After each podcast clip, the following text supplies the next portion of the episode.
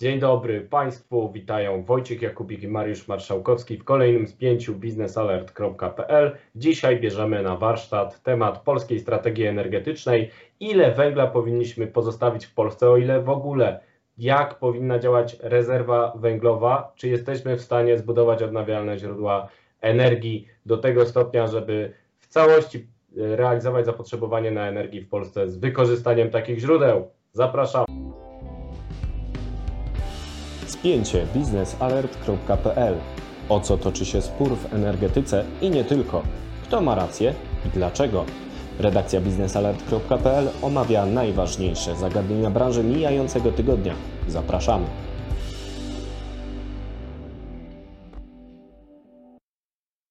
Mariusz, co ta strategia nasza energetyczna, która doturlała się po 5-6 latach e, do publikacji zakłada? Zakłada, że węgla będziemy troszkę mieli nadal. Tak, no, te, te dane są dosyć, te szacunki są dosyć rozstrzelone, nazwijmy to, bo jeżeli patrzymy na rok 2040, to tam według danych jest od 29%, 8 do 28 do 11% udział, udziału węgla. Także no to jest dosyć duży rozstrzał, jeżeli popatrzymy na, to, na tą skalę. Mm, no i y, jednak możemy wciąż powiedzieć, że węgiel będzie odgrywał rolę w polskiej elektroenergetyce. Tak no, mówi. Nawet 11% to będzie sporo. Tym bardziej, że zakłada się, że będzie zwiększone wykorzystanie, znaczy będziemy więcej energii zużywać.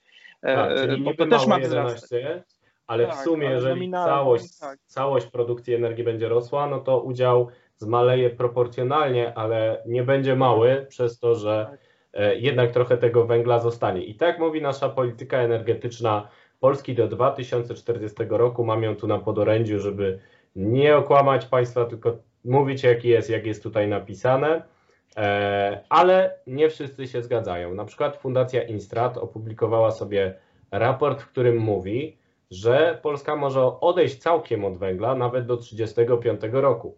I tak fundacja stwierdziła, że zamiast e, utrzymywać tak długo węgiel za, uwaga, bagatela, według ich obliczeń oczywiście, e, za 63 miliardy złotych, czyli zamiast utrzymywać taką wielką rezerwę węglową, która będzie funkcjonować poza rynkiem, będzie subsydiowana przez budżet polski, oczywiście wspierane też przez środki unijne do pewnego stopnia, za 63 miliardy złotych, Fundacja Instrat powiedziała, że sobie możemy zafundować tańszą rezerwę, która będzie kosztowała 14 miliardów złotych. Też nie mało pieniędzy, ale jednak kilka razy mniej niż e, Narodowa Agencja Bezpieczeństwa Energetycznego, jak miałaby się ta nasza rezerwa węglowa e, nazywać. No i co? No i musielibyśmy szybciej zejść z węgla i budować masowo e, wiatraki na lądzie, które do tej pory były dławione ustawą odległościową blokującą rozwój tej branży. I co na to powiesz, Maria?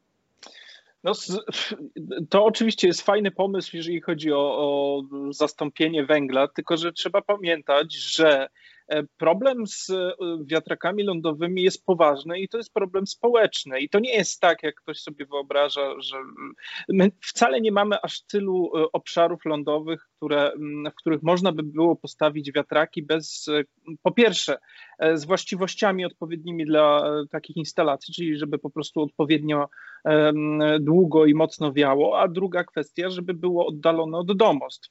Bo nawet w miejscach, w których dotychczas postawiono wiatraki, no to, mm, to zawsze praktycznie pojawia się problem społeczności lokalnych tego, tego sprzeciwu.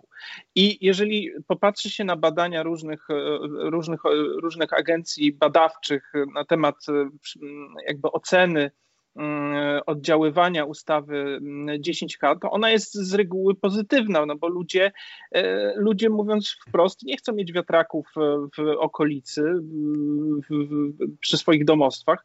I tu jest problem. I fajnie, oczywiście liczby, w liczbach fajnie to wygląda i, i super się mm, sztymuje. Natomiast jeżeli przechodzimy do rzeczywistości, no to tu, tutaj jest znacznie większy problem.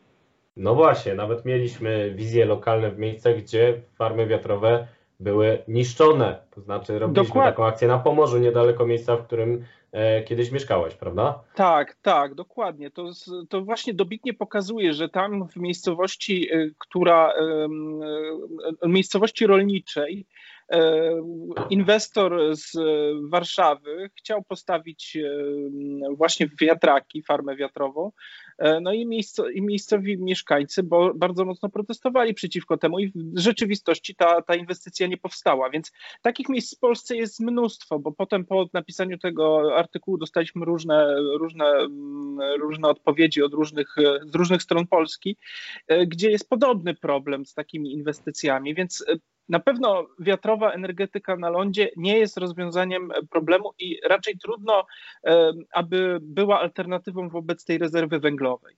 No właśnie, więc Taką jakaś rezerwa rezerwę. musi być. Jakaś rezerwa musi być, do jakiego stopnia, ile jej potrzebujemy, jest do rozstrzygnięcia, natomiast czy jest w stanie powstać taki miks, w którym będziemy mieli 100% odnawialnych źródeł energii. Trzeba sobie jasno powiedzieć, że musiałyby zostać spełnione warunki, które na razie nie są spełnione. To znaczy podstawowy warunek jest taki, że jesteśmy w stanie zabezpieczać odnawialne źródła energii magazynami energii, efektywnością energetyczną i innymi rozwiązaniami, które sprawią, że niestabilna podaż energii z odnawialnych źródeł będzie stabilizowana czymś. Na razie robimy to właśnie tą energetyką konwencjonalną, niedobrą. Niemcy muszą cały czas używać do tego węgla, bo nie chcą atomu. Polska mówi w polityce energetycznej Polski, że właśnie do tego będzie używać atomu. Atom jest zeroemisyjny, a pozwala stabilizować OZE tak jak energetyka konwencjonalna. Jeżeli nie wyjdzie nam z atomem, jeżeli sobie usuniemy rezerwę węglową, a te wiatraki nie są rezerwą, właśnie z tego powodu, że nie są stabilne, no to czym będziemy zabezpieczać atom? Yy, przepraszam, czym będziemy te OZE zabezpieczać? W zasadzie jedynym rozwiązaniem, jeżeli chodzi o, o te trendy europejskie, E, minimalizowania wpływu e, dwutlenku węgla i gazów cieplarnianych, no to tutaj rozwiązaniem wyłącznie w zasadzie jest gaz ziemny. A, z drugiej no strony właśnie. gaz Władimir ziemny. Putin już robi tak. No do właśnie. pewnego stopnia z drugiej strony właśnie, no bo na zachodzie faktycznie to, gdzie, gdzie, gdzie Zachód jest mocno zdywersyfikowany energetycznie i źródeł i, i kierunków dostaw, to faktycznie gaz jest tam bezpiecznym e, i takim źródłem transformacji. Natomiast w przypadku państw Europy Środkowej e, jeszcze bardziej wchodzenie w gaz ziemny, który pochodzi głównie z kierunku wschodniego, no jest e, to jest dosyć niebezpiecznym e, takim politycznie elementem i, i, i, nie wiem do końca, czy, czy, czy transformacja oparta na takim źródle energetycznym, jakim jest gaz, czy takim surowcu jest w przypadku właśnie Europy Środkowo-Wschodniej dobrym pomysłem. No, no myślę, no właśnie, że chyba nie. E, gaz System ma opublikować zaktualizowany plan rozwoju gazociągów, e, taki plan dziesięcioletni aktualizowany co roku i, i już teraz prezes Gaz Systemu zapowiedział, że będzie on uwzględniał wzrost zapotrzebowania na gaz w Polsce o 60%. Mhm. Warto przypomnieć, że teraz używamy jakieś 17-19 miliardów metrów sześciennych rocznie, z tego importujemy ponad połowę i z tego e, około 8, 8 z 19 miliardów metrów sześciennych sprowadzamy z Rosji, bo jest kontrakt jamalski. Oczywiście dywersyfikacja sprawia, że będziemy mogli nawet w 2022 roku porzucić dostawy z Rosji. Ale jeśli nagle zaczniemy konsumować bardzo dużo gazu, za dużo gazu, to się okaże, że się nie obędzie bez nowego kontraktu z Rosjanami, jak sobie przegniemy z tą transformacją na gazie. Prawda? Oczywiście, że tak. No to jest, to no. jest właśnie problem. Pułapka gazowa. Jeszcze parę lat temu były wielkie, znaczy dużo, dużo się mówiło o tym, co my będziemy robili z tym gazem z tych z Baltic Pipe, z gazoportu. Za dużo po co będziemy za darmo tak. rozdawać że będziemy, faktycznie były takie, takie głosy, że, że to jest przerost, e, przerost formy nad treścią, że tego nie ma gdzie, nie będzie miało gdzie sprzedać, nie będzie miało co z tym zrobić i tak dalej, i tak dalej. Natomiast e, rzeczywistość e, obecna i, i to, co, co, co będzie w przyszłości, pokazuje, że tego gazu w perspektywie następnych 15-20 lat, tych zdywersyfikowanych źródeł, może być wciąż za mało, więc no albo, tak. będzie, albo będziemy znów rozbudowywać i stawiać kolejne instalacje w postaci dodatkowych gazoportów, rozbudowywać no tak, obecne gazoporty, albo zbudujemy drugą nitkę Baltic Pipe, co podejrzewam mogłoby być e, logistycznie trudne, aczkolwiek myślę, że nie, nie niewykonalne. No i trzeci, trzeci, trzeci sposób, no to oczywiście mowa nowa z Gazpromem. I przez Nord Stream 2 na przykład sobie ciągnąć pięknie przez granicę z Niemcami. A co? No oczywiście, no to jest, to jest, to jest nasz senny koszmar i myślę, że koszmar każdego polityka w Polsce, który teraz rządzi, może za 15-20 lat będą mieli inne koszmary, ale, ale faktycznie... Na pewno no, jakieś będą mieli. Na pewno jakieś będą mieli. Taka branża. Natomiast to faktycznie może być problem za, za kilkanaście lat i skąd ten gaz brać i czy, czy, czy jednak transformować się, czy, czy jednak e, kwestia bezpieczeństwa państwa energetyczna jest ważniejsza i jednak utrzymywać tą rezerwę węglową.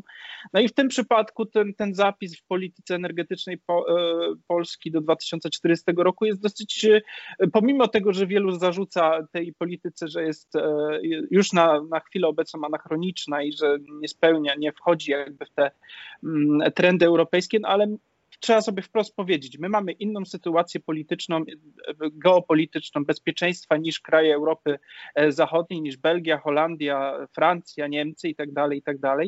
I tam gaz faktycznie może być bezpiecznym źródłem transformacji, a u nas no gaz, oparcie transformacji na gaz wiąże się z wzrostem zagrożenia dla naszego bezpieczeństwa jako państwa. A jak ktoś patrzy tylko na portfel, tylko na Excela, to też trzeba doliczyć te koszty budowy kolejnej infrastruktury dywersyfikującej, no bo to też są miliardy wydatków Oczywiście, na nowe że... instalacje, żebyśmy zwiększali zależność od importu, tylko że nie z Rosji. No więc e, rezerwa węglowa czy pułapka gazowa? Nie rozstrzygniemy tego dzisiaj. Warto się zastanowić e, nad tym zagadnieniem. Jakie jest Państwa zdanie na ten temat? Chętnie podyskutujemy w mediach społecznościowych, na YouTubie i wszystkich platformach, na których publikujemy spięcie. Tymczasem to wszystko na dziś. Dziękuję Ci bardzo, Mariusz. E, Dziękuję A Państwa serdecznie. zapraszam w naszym imieniu, całej naszej kochanej redakcji, już za tydzień na następne spięcie przedświąteczne. Boże, kurwa.